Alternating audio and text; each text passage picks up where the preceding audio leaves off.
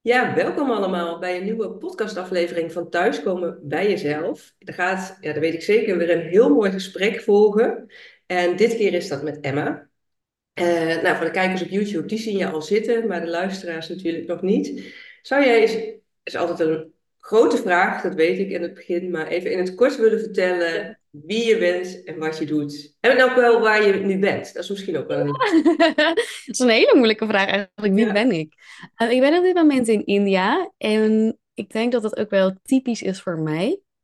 Ik voel mezelf best wel een vrije vogel. En um, ik, heb, ik ben op een gegeven moment ben ik de wereld ingetrokken. Toen was ik, was het 2019? Ik had een, een superleuke, gave baan en um, het ging allemaal zo snel. Ik ging van drie dagen in de week werken als social urban designer naar zes dagen in de week, naar projectmanager, naar de rechterhand van de, van de ondernemer. En op een gegeven moment dacht ik, oh my god, het gaat veel te snel. Ik moet de wereld in. En ik voelde zo'n roeping om te gaan. En ik had geen idee, ik vond het redelijk spannend.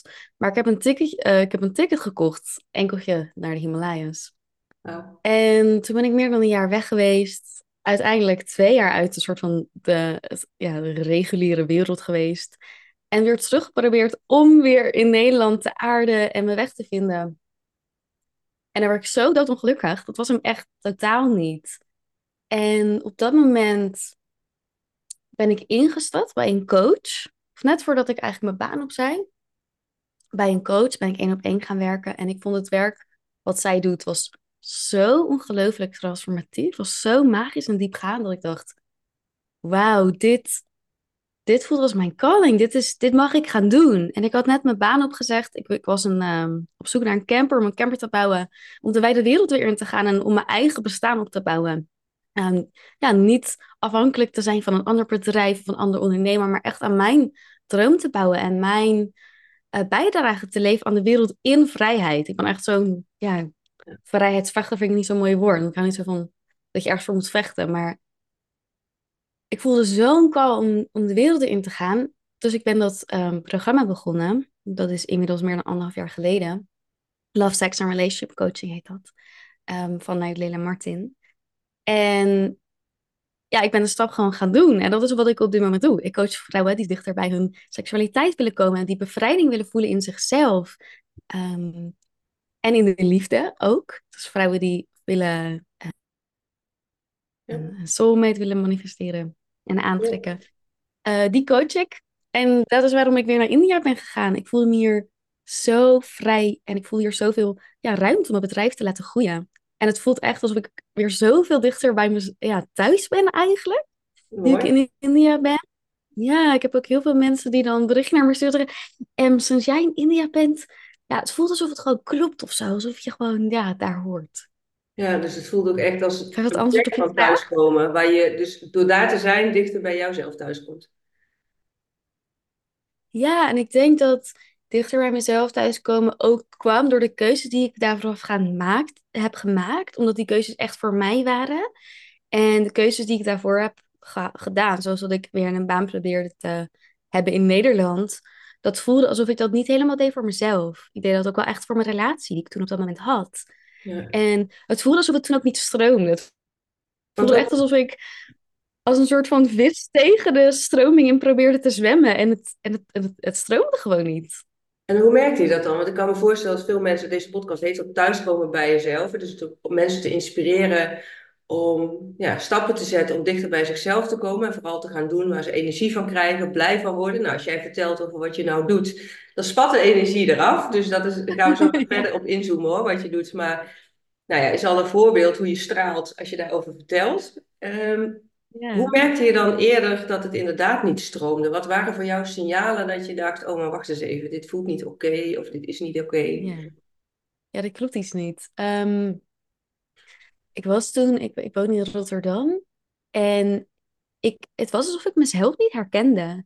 De, toen ik op reis was en het jaar daarvoor stond ik, zo, stond ik zo stralend in het leven en ik was excited en ik was allemaal dingen aan het leren en er kwamen mooie mensen op mijn pad. Um, ik verdiepte in, in mezelf en in de practices die ik deed en de opleidingen die ik deed.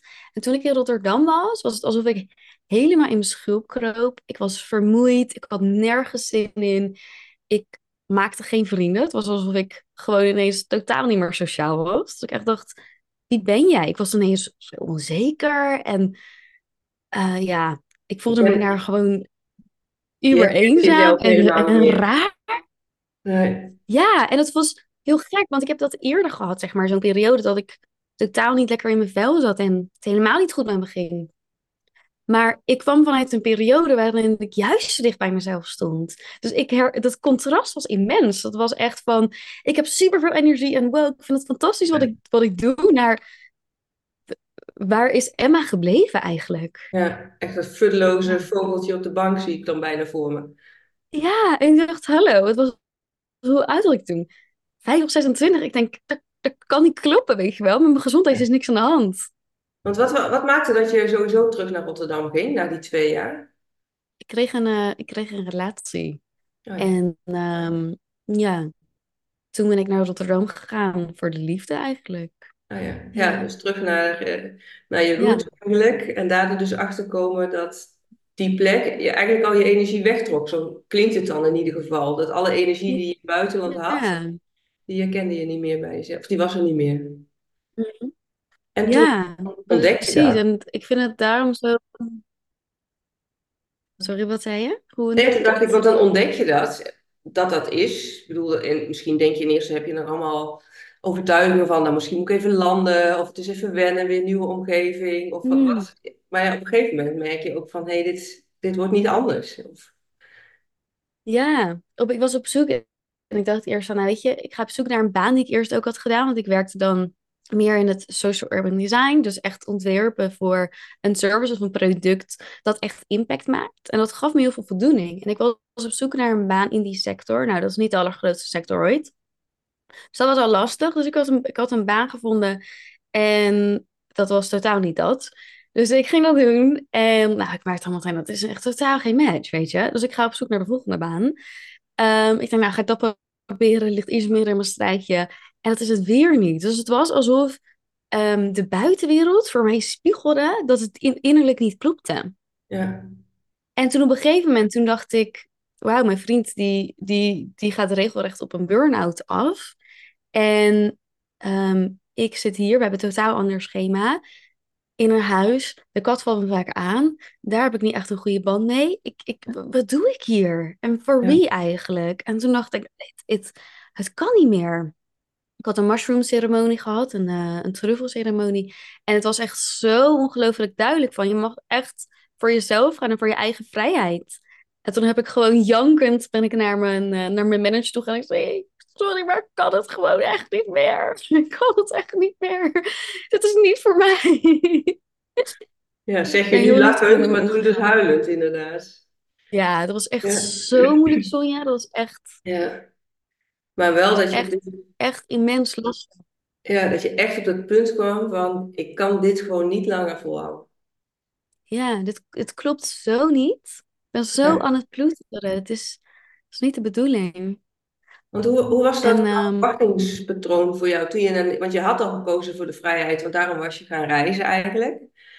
En dan kom je ja, naar Nederland. En, en hoe verhouden zich dan dat gevoel van vrijheid en dat weer settelen in Nederland met een relatie, met een, ja, toch weer een vaste baan?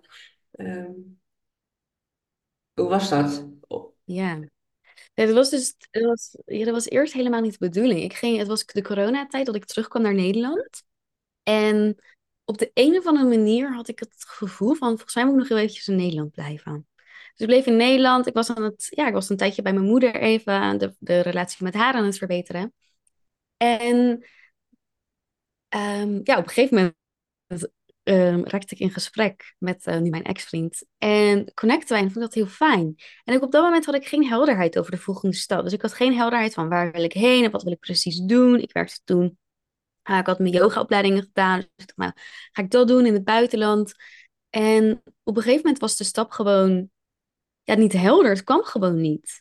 En toen hadden we op een gegeven moment ja, een beetje on, oneenigheid in onze relatie. En toen dacht ik van, ik wil jou echt niet kwijt. Ik wil jou echt niet kwijt. Dus toen dacht ik, ik ga naar, ik ga naar Rotterdam. Ik ga in Rotterdam wonen. Dan ben ik dicht bij jou. En dan ga ik een baan proberen. En ehm, ja, dan zien we wel weer de volgende stap. ja. Ja, en dat is wat je dus net vertelde, dat het eigenlijk eh, steeds minder ging stromen of steeds stroperiger werd eigenlijk. Ja, en je bent dus, ja. Je baan heb je toen opgezegd, maar ik hoor je ook nog net zeggen inmiddels ex-vriend, dus daar Mhm. is ook iets gebeurd in die relatie, eh, blijkbaar. Klopt, ja. Was dat al op dat Ja, moment? die is ook beëindigd inderdaad. Ja, ook in die fase? Mm, nee, dat is, nee, dat is eigenlijk ehm, geweest daarna. Dus ik heb nog een, ik heb nog een jaartje in Nederland gewoond. Want ik dacht, nou ja, ik ga de vrijheid opzoeken en ik ga iets voor mezelf creëren. Ik heb altijd een camper gewild. Dat was een soort grote droom. Het leek me helemaal fantastisch. Dus ik heb een busje gekocht en ik ben aan die bus gaan timmeren, gaan lassen. Ik heb een lascursus gedaan. Helemaal op gaan knappen. Ehm, en uiteindelijk werd het, te, werd het te veel. Ik, ik deed en de opleiding en ik was de bus aan het opknappen en mijn bedrijf groeide en ik nam meer klanten aan. En toen dacht ik, oh my god, ik ben van s ochtends 9 uur tot 's avonds 19 uur bezig en het is, het, is gewoon te veel tegelijkertijd. Dus toen heb ik ehm, ja, de camper heb ik verkocht en toen dacht ik, oké, we gaan op me focussen op één ding en dat is mijn bedrijf. In de Ja. wijde wereld. Ja, Ja, en dat was toen al wat, wat je nu ook doet? Voor ja, vrouwen en seksualiteit en sensualiteit. En eh, ja, is dat iets waar je zelf ja. altijd mee bezig bent geweest? Of, of juist helemaal niet? Hè? Dat kan natuurlijk ook. Hoe, hoe is jouw weg ja. geweest? Ja, mooie vraag. Ja, dat is echt een soort van. Het voelde als, als een soort van de deur die ik open moest doen om de grootste schatten te ontdekken, eigenlijk. Ja, Ik had me nooit beseft. Ik denk altijd als je. eh, je, je hebt jezelf natuurlijk als een referentiekader. Want je, je bent jezelf al je hele leven dat je hier op aarde bent. Dus voor mij voel ik, ik voel mezelf mijn referentiekader. Ik vind het niet zo raar dat ik de wereld inga en doe wat ik doe. Maar als ik dan terugdenk aan ja, de meeste mensen die ik ken vanuit Nederland, is het toch wel anders. ja, En hetzelfde was eigenlijk met mijn seksualiteit. Ik besefte me nooit dat ik eigenlijk geen connectie had met mijn eigen seksualiteit. En dat ik nooit aan zelfbevrediging deed. Dat ik eh, eigenlijk altijd afhankelijk was van een man om plezier te hebben en me sensueel en sexy te voelen. Tot op een gegeven moment vriendin tegen me zei van... eh, ja, en ik heb een nieuwe vibrator gekocht. En ik ga... Ik, eh, ja, ik denk dat ik vanavond daar gewoon lekker mee ga. Eh, en toen, keek- en toen dacht ik, oh ja, dat, dat kan ook gewoon, ja. ja. Dat, dat is ook zo, ja. Het is, dat is een op, dat is een optie. En toen dacht ik, dat doe ik dus eigenlijk helemaal nooit. Helemaal nooit. En ik ben dat nooit aan het ontdekken en aan het doen. En het was eigenlijk wel heel erg raar. En ik had ehm, het jaar daarvoor was ik erachter gekomen dat ik seksueel misbruik heb meegemaakt. Ehm, maar dat ik die ehm, herinneringen heb ik onderdrukt. Dus wat heel vaak gebeurt, is zeker als je als kind ehm, seksueel misbruik plaatsvindt, zeker onder de 11 jaar. Het grootste deel van de kinderen die disassocieert, überhaupt wordt dat, gebeurt dat vaak als je zoiets ja, meemaakt. En een heel groot deel van die me- mensen die dat hebben, dat is een heel mooi onderzoek van Bessel van der Kolk in eh The Body Keeps the Score, die eh, vergeet dat. Dus ik was erachter gekomen door, als een overlevingsmechanisme, Ja, ja, als een overlevingsmechanisme. Dus ik was er door therapie achter gekomen, shit, dat is bij mij gebeurd. Dus ik besefte me van, oké, wauw, daar heb ik dus een blokkade ja, Maar ja, niet doordat je weet dat er iets is gebeurd, betekent dat het is opgelost. Dus ineens begon ik de link te maken van, hé, hey, maar wacht eens even, dit is er gebeurd in mijn verleden. Er kwamen andere herinneringen omhoog toen ik volwassen was. Ik dacht, maar eigenlijk is dit ook echt grensoverschrijdend gedrag. Dus echt niet oké voor mijn lijf. Ehm, en dat heeft ervoor gezorgd dat ik zo geblokkeerd was in mijn eigen seksualiteit. En dat voelde, net als die stap om mijn, eh, mijn baan op te zetten, rete, rete eng, rete spannend om daar naartoe te gaan en dat te gaan ontdekken. En tegelijkertijd voelde ik van, dat is precies de deur die ik mag openen om ja, veel dichter thuis te komen bij mezelf. Om nog veel meer in mijn kracht te staan. Om nog veel meer mij te zijn met alles wat bij mij hoort. Dus hoe spannend het ook was, je voelde wel van hier zit wel echt de key naar inderdaad om die deur te openen naar een nog groter iets in het leven, om dichter bij jezelf te komen. Ja, Ja, ja. Nog meer, dat, voor mij voelde het thema heel erg eh, vrijheid. ja, En dat voelde als een soort, ook een bevrijding van mezelf. Een bevrijding van, wat zit er nog in mij eigenlijk dat mij blokkeert om in mijn hoogste potentieel te staan? Ja, ja, mooi dat je dat zegt, want vrijheid is voor veel mensen een kernwaarde, maar vaak denken mensen eh, van vrijheid, van financiële middelen bijvoorbeeld, of de wereld Ja, in. Maar wat jij nu het voorbeeld geeft, vrijheid in je lijf, in je zijn, in je sensualiteit, in je seksualiteit. Dat is natuurlijk ook een ja, ontzettend belangrijk onderdeel van je als vrouw zijn, als mens zijn. Eh, want ja, hoeveel ja. meer staan nog niet op, toch?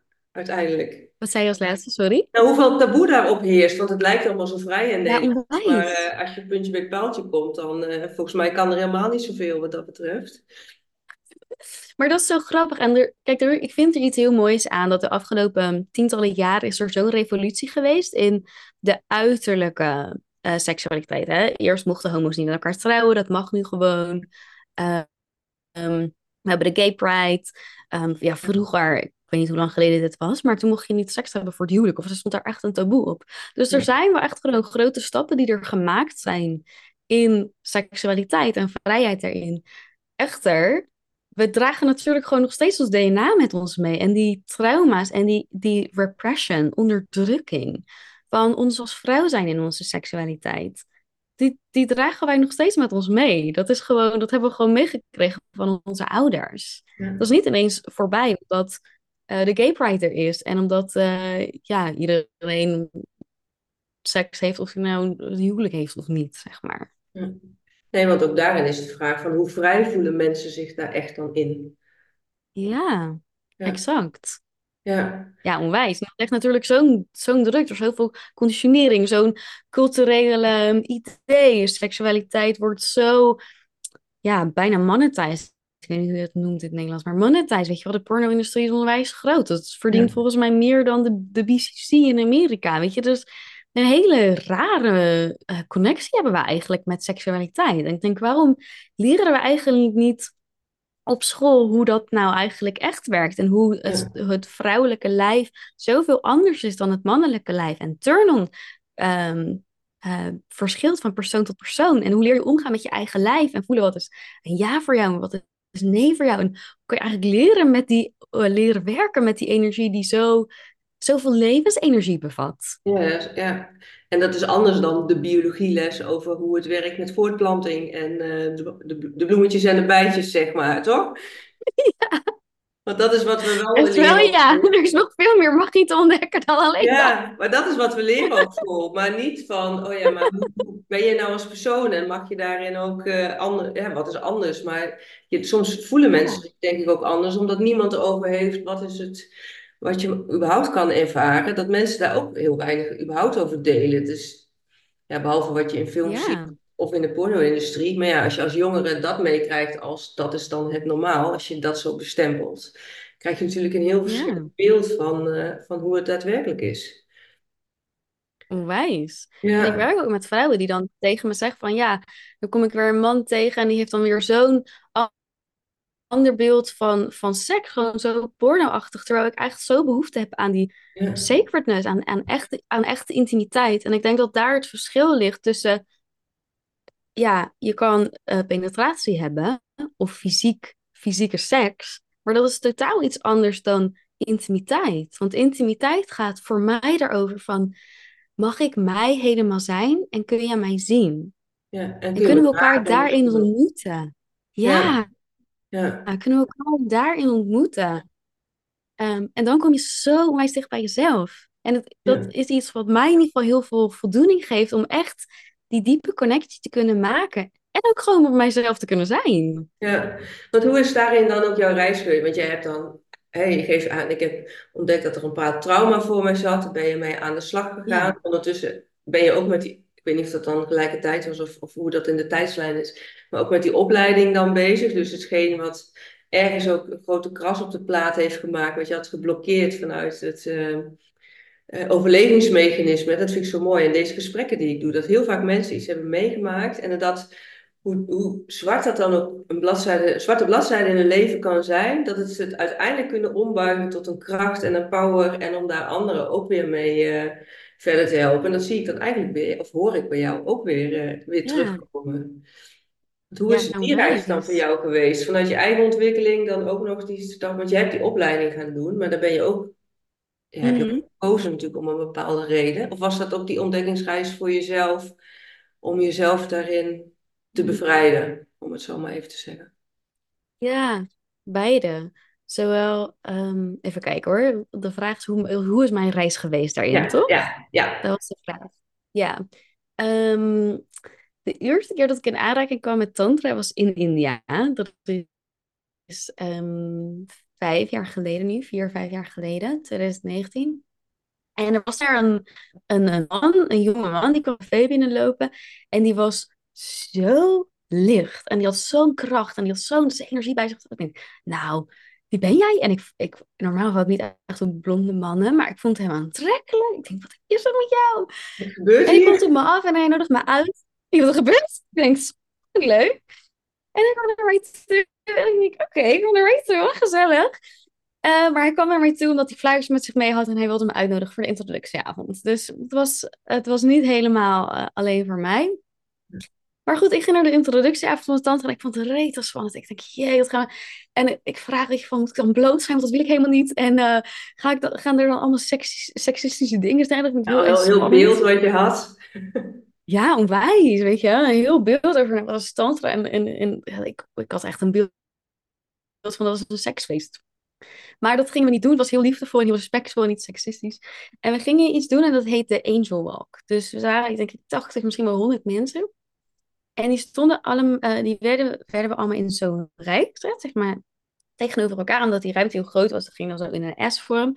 En één voor één eh, werden we gevraagd om met de ogen dicht door die rij heen te lopen. En we gingen heel rustig lopen.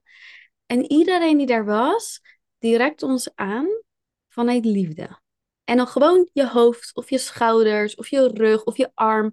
Dus niks geks. En nou, uiteindelijk liep je daar dan misschien wel tien minuten, omdat je zo langzaam liep. Sorry, ik heb nog nooit zoveel liefde mogen ontvangen. Zo vrijuit gewoon dat mogen ontvangen. En toen dacht ik, nou, volgens mij, volgens mij mag ik hier meedoen aan de training. Dus Ja. ik ben mee gaan doen aan de training, niet wetende wat er ging zijn. Ik vond het reeds spannend.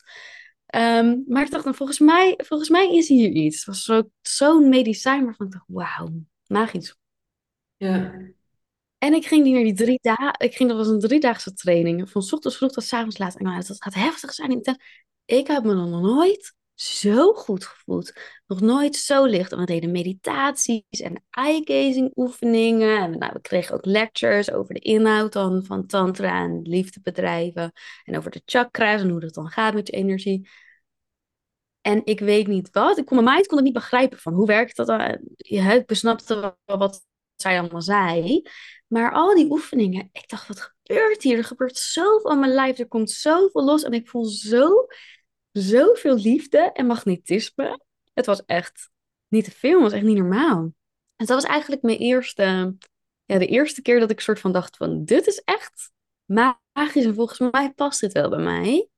Ja. En de volgende moment was waar ik over je had verteld. Dat ik zei van, maar eigenlijk ben ik dus ook, heb ik dat dan, eh, die cursus gedaan. Nog steeds zo geblokkeerd. En hoe doe ik dat eigenlijk bij mezelf? Hoe doe ik eigenlijk self-pleasure? Hoe kan ik ervoor zorgen dat ik mezelf opvul van genot? Of dat ik ehm, ja, practices met mezelf doe. Mezelf echt omarmen met liefde. Ehm, dus toen ben ik gaan werken één op één met die coach. Ehm, en dat was al mindblowing. Dat was echt dat ik bij elke sessie dacht van wauw, maar dit is magisch. Het was echt alsof ik elke keer een sleuteltje vond in mezelf. Van dit stuk van mij mag geïntegreerd worden en dit stuk van mij mag geïntegreerd worden. Maar tegelijk was het zo empowering. Het was niet, oh we gaan heftig helend werk doen. Maar het was juist van, hoe kan ik in mijn kracht staan? Hoe kan ik naar mijn verlangen gaan wat ik zo graag wil? En echt de kracht voelen in mezelf, in het hier en nu. En dat was, was het dan ik ook zo, wat had het dan allemaal met die sensualiteit? Of was het soms ook helemaal los daarvan dan? Die opleiding en die één coaching. Ja, die één op één coaching, dat ging echt over de, dat ik echt dicht kwam bij mijn eigen seksualiteit. En Mhm. echt een diepe connectie voelde met mijn eigen intimiteit. En de practices die we daarin deden, waren niet altijd per se gericht op seksualiteit. Soms ging dat over vrouwelijke energie belichamen, mannelijke energie belichamen, het innerlijke kind helen. Ehm, dus dat was niet altijd ik, ik dacht, oké, nou gaan we elke keer met mijn poesie eh, aan de slag. Maar dat was dus helemaal niet per se zo. Ja, Ja, zo'n idee had ik erbij. Ik vond het heel spannend. Ik dacht, wat gaan we ja, nou doen? Dat zijn zo rustig. Gaan stapje voor stapje langzaam. ja, En toen dat zo krachtig was, toen ben ik eigenlijk heel snel ingestapt bij die opleiding. En dat is meer dan anderhalf jaar geleden, of nu anderhalf jaar geleden nu. En toen ging het heel snel, want toen gingen we, ja, ging ik minstens drie keer in de week eh, een practice doen. En op een gegeven moment kreeg ik elke dag les. En toen ging het echt eh, met, met rapid speed, zeg maar. ja. En had je toen Ja, inmiddels ook al je eigen bedrijf? ik ben die begonnen tijdens de opleiding. Ja, Ja, ja. Dus het voelde zo powerful, zeg maar, voor jou. Je zegt van mind-blowing, van oh, dit is echt zo geweldig, zo amazing is het woord ja, dat dan bij me opkomt, dat je dacht, dit is niet alleen, dit moet ik niet bij mezelf houden. Zo klinkt het dan. nee, helemaal niet. En ik had gewild dat, dat iemand mij dit eerder had geleerd. Ik had gewild dat dit meer beschikbaar was. Ja, Dat, dat, dat, dit, dat dit bijna een soort van mainstream is, zeg maar. Ik had ja, gewild dat ik het al jaren eerder had gehad. Want Jezus, wat, wat een connectie en een kracht voel ik nu in mezelf. Hoe dicht ik bij mezelf ben, hoe ik voel wat ik nodig heb. Hoe ik niet meer op een man hoef te wachten om genot te voelen, om me heel te voelen, om me sexy te voelen. om in je kracht te staan, letterlijk. Om in eh, mijn kracht te staan. ja, En ja. ja, ja. Dus En toen voelde ik eigenlijk gewoon meteen, oké, hier moet ik over gaan delen. ja, want jij bent Let's toen, go. je bent dus vanuit Nederland toen die, eh, jouw, jouw bedrijf eigenlijk gestart. Ja, En ehm, ik zit even te denken, want je zit nu in India, dus ik ga er even vanuit dat het dan online, eh, dat je online werkt, remote werkt, dat jij, eh, want je hebt die vrijheid, even los van je vrouw zijn, vrijheid voelen, maar ook de, de wereld ontdekken, dat zit er ook nog steeds in. Dus Onwijs. Het ja, geeft me zoveel energie om op nieuwe plekken te zijn en nieuwe mensen te leren kennen. En de wereld over, de wereld is zo mooi, de wereld over te gaan en te ja, kijken, ja. En de ja, meeste inderdaad online, af en toe wel eh, ehm, ook in person, dus eh, face-to-face, offline, zeg maar. ja, Maar het meeste is toch wel online, ja, ja. klopt. En als je dan nou terugkijkt naar de afgelopen ontwikkeling, zo die je hebt meegemaakt de afgelopen jaren, ehm, en je geeft er heel duidelijk aan, ja, dit is echt wat anderen ook ehm, ja, mogen of moeten weten, want dit leren we niet op school, dit leren we niet in de maatschappij. Wat zou je mensen die nu luisteren of die nu kijken, zou, dan willen meegeven van wat het dan is, wat ze bij jou leren bijvoorbeeld, of wat ze bij jou halen of kunnen halen? Hmm, Ja, om echt die, zo'n diepe connectie te voelen in jezelf en achterover te mogen leunen. Ik denk, denk dat dat eigenlijk het allerbelangrijkste is. Van, wauw, ik mag helemaal mij zijn. Ik mag helemaal shinen ook. Ja, En ik kan, ik kan die liefde helemaal in mezelf voelen. Ik kan die, die pleasure helemaal in mezelf voelen. En vanuit daar, ja, is het leven gewoon, is er gewoon een sparkeltje over het leven, zeg maar. En dan komen al die andere dingen komen vanzelf wel. Die relaties, die vriendschappen. Er zijn zoveel immens mooie mooie mensen op mijn pad gekomen. Zoveel magie in mijn leven. door- doordat ik bij mezelf ben gekomen. ja, dus En eigenlijk ja, ik doe dan. jezelf zijn, klinkt het. Ja, schaamteloos jezelf zijn. Echt waar. Ja, ja. En dat je zegt dat je dan zo jezelf bent en in verbinding staat met jezelf, dat het daardoor juist die energie gaat stromen en allemaal mooie mensen en mooie kansen en mogelijkheden op je pad komen. Ja, Ongelooflijk. En, en die seksuele energie is daarin gewoon zo, zo, zo krachtig. het Staat gewoon echt in je. kan ik me Het voorstellen. is creatie, is inderdaad, het is een creatie-energie. Is, de, is, de, is wat Ja, mogelijk maakt dat wij hier op aarde leven. Omdat onze ouders de liefde hebben bedreven. Dat is ja, echt een ongelooflijke creatiekracht. En ja, het is gewoon een heerlijk leven. Ja. Want zodra fantastisch. je, zodra je je er nu over spreekt, Emma, is dat iets wat je gelijk al vanaf het begin makkelijk deed? Of, of heb je daar ook iets voor jezelf mogen overwinnen? Om daarover te praten? Ja, zo, zo, want ook dat is niet iets. Ja, je zei altijd toen een keer met een vriendin die begon ineens over vibrator, dat je dacht van, oh ja, dat bestaat ook op die manier. Maar het is nou Ja. niet iets, als je bij iemand op de verjaardag zit in Nederland in ieder geval, waar we het hier zo over hebben. Dus ik weet niet of je dat vanuit je opvoeding hebt meegekregen of niet. Mijn vrienden hier, die vragen, Emma, hoe is het met je pussypie? Dat is in Nederland Nee, niet. helemaal niet. Sonja. Nee, dat is in Nederland niet. Ehm, en dan bedoelen ze niet dat ik een pussy party heb met allemaal mensen met pussy parties. Nee, gewoon hoe, hoe is mijn pussy party geweest met mezelf, zeg maar. Ja, Nee, ik heb zoveel schaamte gehad, Sonja. Ik heb ja, zoveel schaamte gehad. Er was een workshop waar ik bij was en dat ging, dat, volgens mij ging dat over het thema schaamte. En ik had nog helemaal niemand verteld. Ik wist van het misbruik. Ehm, nou, ik had het tegen mijn, tegen mijn vriend en misschien de beste vriendin verteld met heel veel snikken en angst. En ik dacht, het ging over schaamte. Dus ik dacht, dit is het eerste wat in mij opkomt, dat over schaamte gaat. En ik kan het in deze veilige space met deze vrouw, we waren dan in een vrouwenworkshop, ik kan het met haar delen. Dat was zo ongelooflijk moeilijk. ja, Dat was zo, zo lastig. Wauw, ik weet nog hoe klein ik me voelde. Hoe walgelijk, hoe walgelijk ik me voelde. Ik kan nog steeds terug naar het moment en de emotie daarvan voelen van hoe heftig dat is. ja, ja, Hoeveel, hoeveel lading daarop zit. En ik, ik zie schaamte als iets dat it thrives in the darkness. Dus het floreert echt, zolang we er niet naar kijken.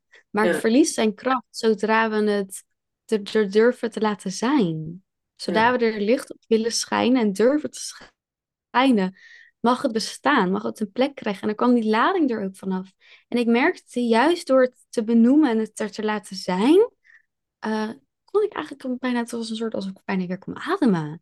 ja, Van, Wauw, dat definieert niet wie ik ben, dat dit is gebeurd. En ik mag het ook weer loslaten. Het hoeft niet Eigenlijk zwaarte te hebben. het hardop uitspreken is eigenlijk nodig geweest voor het daadwerkelijk verwerken. Hoeveel voorwerk je er van tevoren ook had gedaan, zolang je het niet Ja, uit het schaamteproces haalde, zeg maar, bleef het een soort voeding ja, krijgen. Zo klinkt het dan. Ja, zo.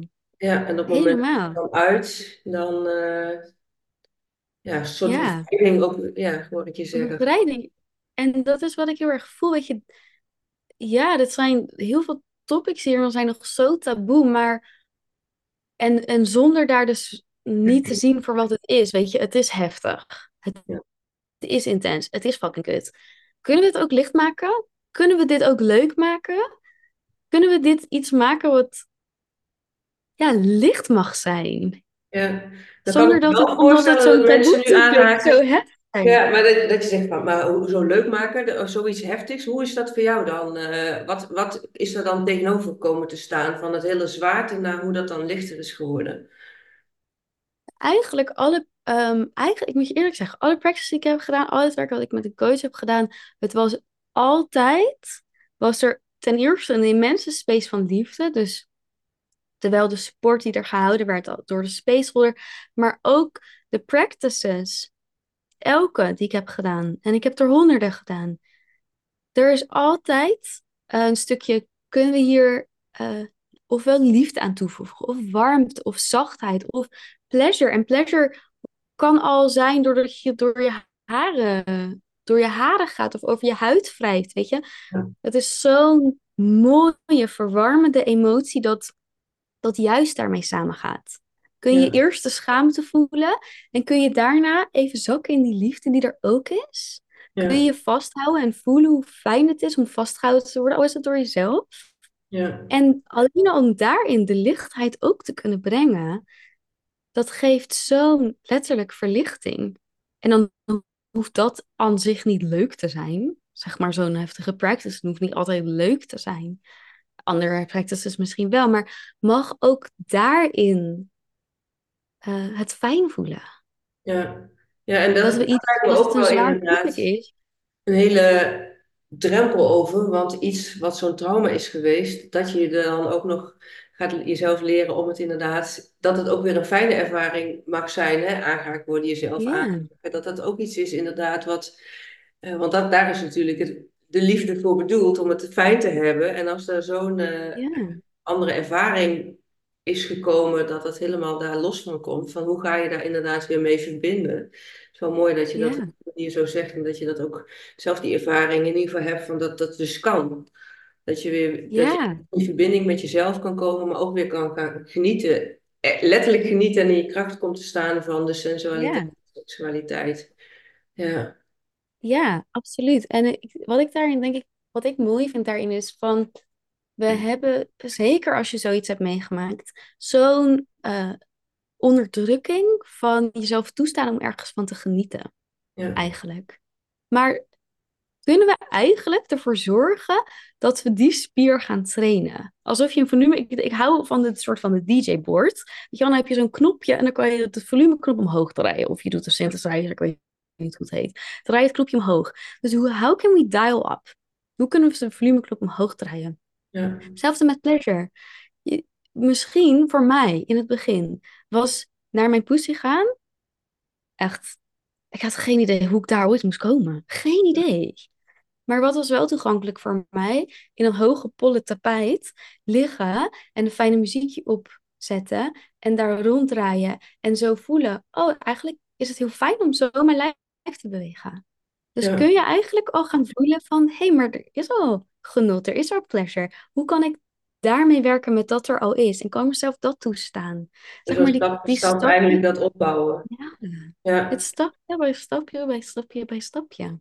ja, ja, dat is mooi. Dus ook voor mensen die nu denken en kijken en luisteren van, oh, maar dat gaat ineens wel heel hard dat ik ineens aan zelfbevrediging moet doen als je er helemaal nog niks mee hebt. Maar dat je dus inderdaad kan zeggen van, nou, ga eens kijken wat voor jou fijn is. Of het nou een hoogpolig tapijt is, of misschien onder een douche, weet je wel. Dat stralen op je huid voelen, of Ja, jezelf eens een hoofdmassage geven, ja, bij wijze van. Dat dat ook, en daar heel ja. bewust dus mee bezig zijn om echt van te genieten. Want we leven ook in een maatschappij alles moet maar snel, snel. En niemand heeft tijd voor zichzelf, of in ieder geval te weinig. Mhm, Nou ja, neem daar eens de tijd voor voor jezelf, om jezelf dit toe te staan. Zo, ja, klopt. Ja, zeker in, in de westerse maatschappij, er is zo'n mannelijke energie. Doen, doen, doen, ja, gaan, gaan, gaan.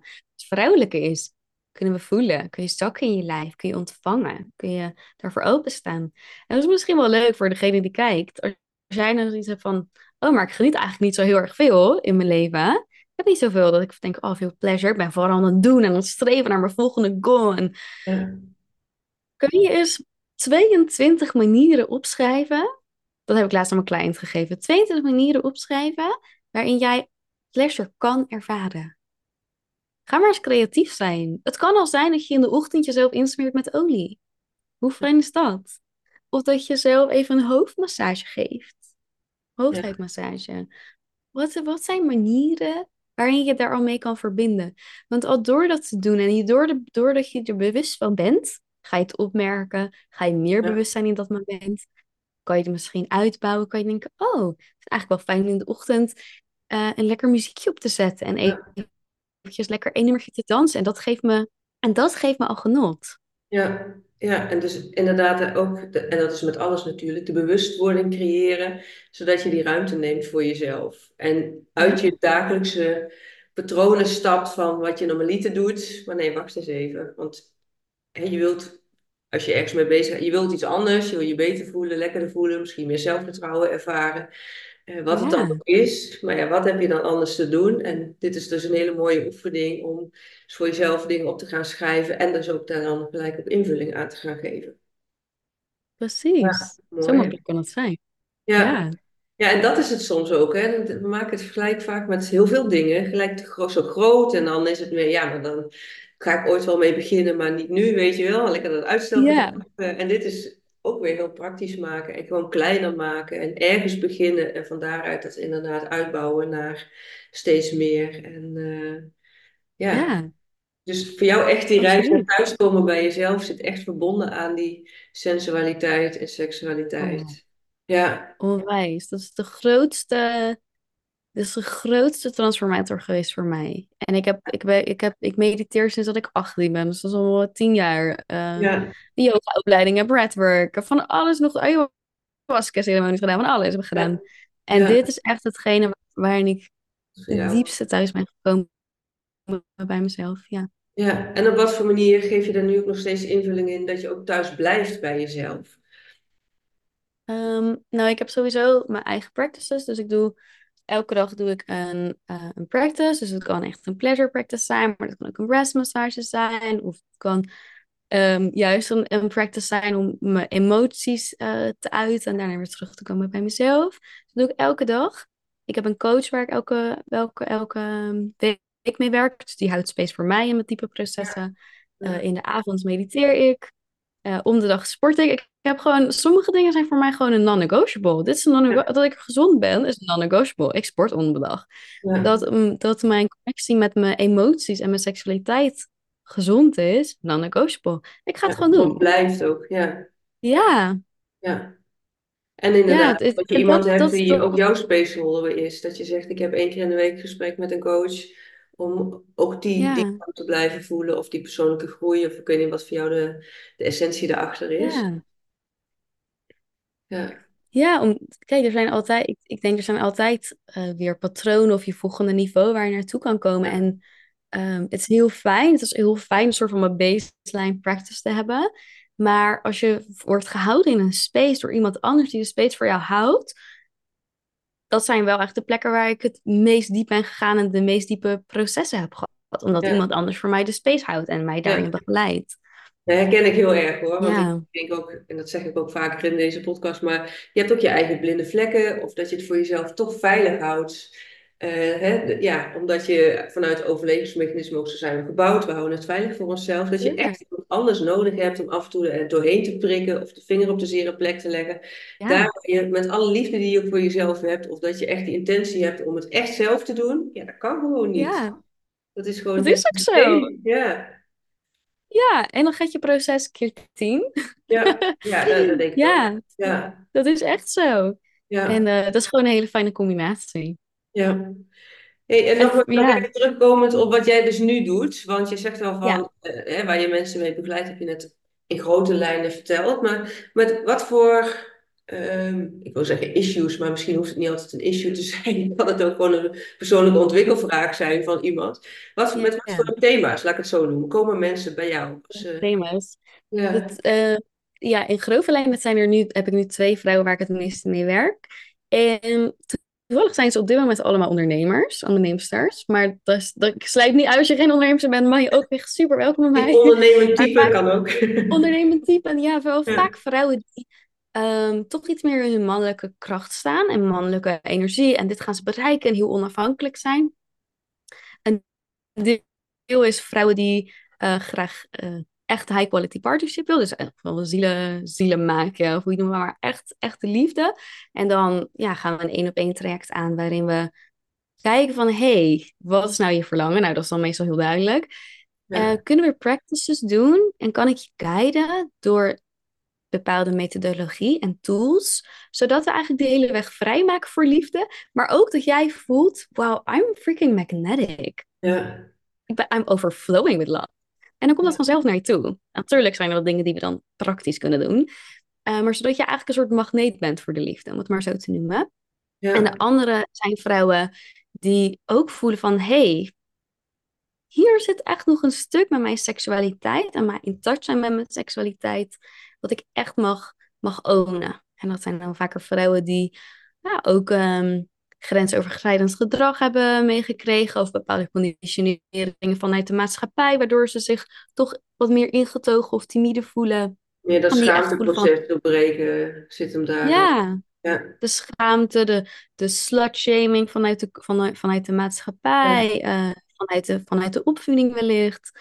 Waarin ze denken van, oh maar wacht eens even, I'm not meant to be small, I'm meant to be eh, big. En, en om in mijn kracht te staan en om te shinen. Dus dat ja, zijn de, dat zijn de, dat zijn de type vrouw waar ik mee werk. En ik ben bezig met het ontwikkelen van een, eh, van een course. En dat gaat echt over alchemization of sexuality. Dus dat gaat echt over, ja, hoe kun je dit alchemizen eigenlijk? Die blokkades die er nu nog zijn, dat donkerte wat er nog zit. hey, hoe kunnen we dat eigenlijk gaan ownen? Hoe kunnen we dat stuk integreren? Hoe kan je daarin weer in je kracht staan? ja. Ja, mooi dat je dat zo, eh, zo duidelijk ook nou vertelt in deze podcast. Want dit is een onderwerp wat hier nog niet zo aan het licht is gekomen. Dus ik ben heel blij dat je in Mm, bent gegaan op mijn eh, oproep om, eh, om je verhaal te delen. Want ik denk ook, nu we het hierover hebben, dan denk ik, ja, eigenlijk is het zo, eh, je kan het niet, niet ontkennen of zo. Het is altijd aanwezig. Eh, ik weet niet hoe ik het goed moet zeggen. maar Ja, Het is zo'n sterk iets, maar eigenlijk hebben we het er eigenlijk, tenminste in mijn netwerk, we hebben het eigenlijk nooit over, over zoiets als dit. nee. Seksualiteit en sensualiteit en daarmee in je kracht komen te staan. En wat ik net zei al, die kernwaarden van vrijheid gaat vaak over externe dingen en misschien ook wel je persoonlijke ontwikkeling en vrijheid. Maar dit stukje blijft op de een of andere manier toch nog mijn wereld in ieder geval onderbelicht. Dus ik ben heel blij dat ja, nu eh, dit hebt gedeeld. En ik ben wel heel benieuwd naar reacties van de luisteraars en de kijkers. Hè, om ons daarin mee te nemen. Of dit nou voor jullie ook een mooie eye-opener is geweest. Of dat je zegt, nou, dit is al iets, dit is geen verrassing voor mij. Het kan natuurlijk ook hè, dat we luisteraars hebben. Of misschien wel mensen die jou Dit wist ik al lang. Ja. Denken, nou, ik snap niet dat jij het nou zo eh, nieuw vindt van jou. Of dat het zo. eh, en het is niet nieuw, maar wel het nieuws. hebben. Ja, dus ik ben wel heel benieuwd of mensen daarop willen reageren, naar ons toe en naar jou toe ook, van eh, Ja, hoe nou ja, dit gesprek hen eh, daar eh, ja, heeft geholpen, een stuk bewustwording daarin. En ook, misschien ook wel leuk om terug te horen, van, en wat is dan de eerste stap die jij als luisteraar, als kijker nu gaat zetten om ja, die verbinding te herstellen of daarin ook thuis te komen bij jezelf. ja. Dus, eh, Mooi. Ik ben heel Zo. benieuwd naar de ja, ik zou het leuke vinden om, eh, om te horen. En eh, nou ja, ook om dit qua taboe daarin meer te doorbreken, laat deze podcast dan ook een, ja, een, een stap in zijn. Dus Ja. Ja, dankjewel voor je mooie verhaal eh, daarin, Emma. En eh, waar kunnen mensen jou ook vinden? Want dat is nog belangrijk om te weten natuurlijk. Ik zet het sowieso wat je zo gaat Oh vertellen in de show notes, maar eh, noem het vooral ook even. super. Super. Dankjewel. Ik vond het ook fantastisch leuk om met jou Ja, gesprek te zijn, Sonja. Dankjewel dat ik mocht komen. En mensen kunnen mij volgen op Instagram, Luscious Liberation. Eh, dat is helemaal in het Engels. Dus als je dat niet weet hoe je het schrijft, kan je het in de show notes vinden. Ehm, mijn podcast heet Pussy in de Podcast. Meestal in het Engels. Eh, soms is er een speciale aflevering in het Nederlands. Eh, je kan ook op mijn website kijken. Dat is luscious-liberation.com. Um, maar het meest actief ben ik op mijn podcast, op mijn Instagram. Ik host ook eh, masterclasses. Dus daar ben je ook van harte welkom. Je kan me altijd een berichtje sturen als je een vraag hebt. Of je denkt, nou, ik wil misschien met jou samenwerken. Of wil iets anders. Stuur me gewoon een berichtje. Vind ik hartstikke leuk. Ja. Ja, je hebt ook een eigen website volgens mij, die zal ik ook eh, Ja, noemen, inderdaad. Ja, daar staan dan ja. ook de workshops op genoemd, als, als die weer eh, gaan komen. Of... staat eigenlijk altijd op mijn Instagram. Oh, Oké, Op mijn oh, Instagram. ja, eh, Ja, is het meest actief. ja. Ja, ja, mijn meest actief op. Ja. ja, nee, helemaal goed. Ga ik dat sowieso noemen in de, in, de, in de show notes. Ik zit even te denken, zijn er nou nog dingen waarvan je zegt van nou, dat hebben we te, te veel of te weinig belicht, nog te veel onderbelicht? Of is er nog iets waarvan je zegt van nou, dat wil ik misschien nog meegeven ter afsluiting van, eh, van dit gesprek? Hmm. Ja, wat ik, wat ik denk ik een heel mooi nuanceverschil vind, is dat het voor mij gaat het echt over ehm, veel meer nog een stukje intimiteit. Want ik, ik denk dat er heel, heel snel dat je eh, mensen, hè, iedereen heeft natuurlijk een andere betekenis bij een woord, maar Mhm. bij seksualiteit voelt voor mij toch echt een stuk anders dan, dan intimiteit. En voor mij gaat het zo om een stukje van hoe intiem kun je zijn met jezelf? Want daar is het waar je jezelf ontmoet. En vanuit die intimiteit met jezelf, waar, waarvan seksualiteit een onderdeel is, kan ik een ander ontmoeten. Kan ik een ander echt ontmoeten. Ja, dat is denk ik hetgene wat ik het allermooiste vind. Ja, Ja, ja, heel mooi dat je dat nog noemt. Want ik denk ook die intimiteit hoort ook bij hoe eerlijk kun je zijn naar jezelf. Als je het dan hebt, hè, ook over de titel van deze podcast, thuiskomen bij jezelf. Dat het natuurlijk heel intiem ja, is om, intiem is om naar je eigen verlangens überhaupt te luisteren. Hè, om daar de ruimte voor te geven. Wat zijn die nou eigenlijk? Of dat nou ja, gaat over de dromen die je na wil jagen. Of eh, nou ja, hè, met je eigen lichaamsbeleving. of wat het ook is. Maar het begint met het stukje intiem kijken naar jezelf van, maar wie ben ik dan als persoon? Waar liggen mijn verlangens, mijn behoeftes, mijn, nou ja, ook mijn kernwaarden en hoe geef ik daar ja. invulling aan? Ja, En hoe intiem is dat? Om te zeggen, dus voor sommige mensen is het al zo groot ja, om te zeggen, dit is mijn verlangen, dit is wat ik echt wil. En ja, dat jezelf te gunnen. Te ja, gunnen, ik mag dit voor mij. En dat ja, is heel erg in lijn met dat thuiskomen bij jezelf. Ownen wie je bent. Ownen wat je verlangers zijn. Ownen wat je wilt. En ook je schaduw durven aankijken daarin. En zeggen, maar ik ga er toch voor.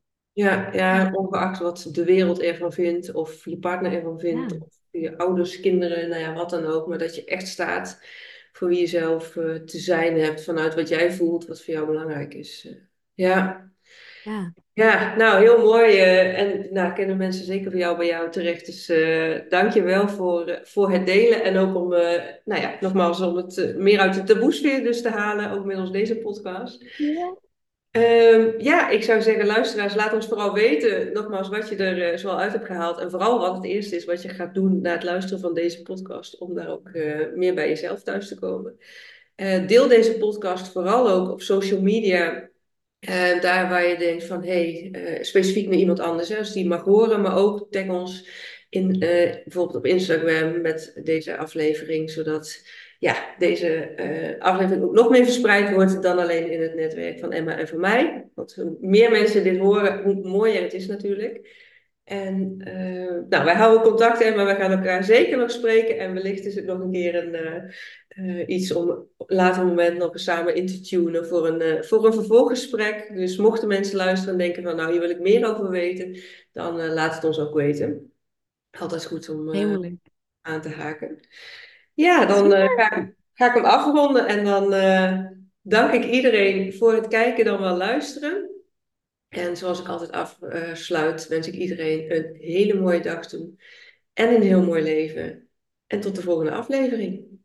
Nou, wat een mooi gesprek met Emma was dat. En in het nagesprek net even hadden we het er nog even over. Dat het voor mij ook echt een stukje bewustwording weer heeft gecreëerd. Van hé, hey, maar hoe sta ik daar zelf eigenlijk in? Het is um, iets waar ik niet dagelijks mee bezig ben. Met mijn intimiteit, seksualiteit, sensualiteit. Maar door het gesprek met Emma merk ik wel dat ik daar wel meer bewust van ben geworden. Dat ik dat zeker wel meer naar, uh, naar voren mag halen. Ik ben ook heel blij dat Emma heeft gereageerd op mijn oproep. En dat het ja, ook weer een thema is geweest, een onderwerp is wat nog niet aan het licht gekomen is in de eerdere gesprekken. Maar ja, wat ik al zei ook tijdens het gesprek zelf. Het is zoiets wezenlijks, belangrijks. Dat ik eh, ontzettend blij ben dat het voor vandaag wel eh, zo naar voren is gekomen. Mocht je nou echt zoiets hebben van, nou, dit is echt zo'n mooie podcast. Dat mag zeker door veel meer mensen gehoord worden. Vanuit dit thema natuurlijk van vandaag, maar ook van eerdere gesprekken. Zorg dan alsjeblieft dat je deze podcast ook een aantal sterren geeft. Het liefst vijf natuurlijk op iTunes, op Spotify. Dat helpt om nog meer mensen deze podcast te laten vinden. Deel het nogmaals ook op social media of waar dan ook uh, je maar denkt. Mensen dit mogen horen, mogen zien. mijn YouTube kanaal Sonja van Bakel. Ja, dat dit maar mag uitgroeien tot een uh, grootste podcast. Dat is mijn droom. Ik zal jullie meenemen in mijn, uh, mijn doel. Om mezelf echt een hele succesvolle talkshow van te maken. Dus niet alleen een podcast, maar daadwerkelijk een talkshow waarin ik echt in gesprek ga met mensen die iets te brengen hebben in deze wereld wat misschien een beetje buiten de reguliere paden is, om jou dus te inspireren, motiveren, activeren en stimuleren om ook die stappen te gaan zetten naar een, wat voor jou een mooiste leven gaat zijn. Ook al weet je misschien nu nog niet wat het is, hoe daar vorm aan te geven, maar ja, je hoort het al door. In ieder geval datgene te gaan doen waarvan je voelt van hé, hey, hier heb ik iets in te betekenen voor mezelf, voor anderen. Dat het dus ook heel vaak leidt om ook dat licht voor anderen weer te kunnen zijn en mensen ergens bewust van te maken en erbij te staan. Dankjewel voor het luisteren. Ik wens je wederom een hele mooie dag en een heel mooi leven toe. En tot de volgende aflevering.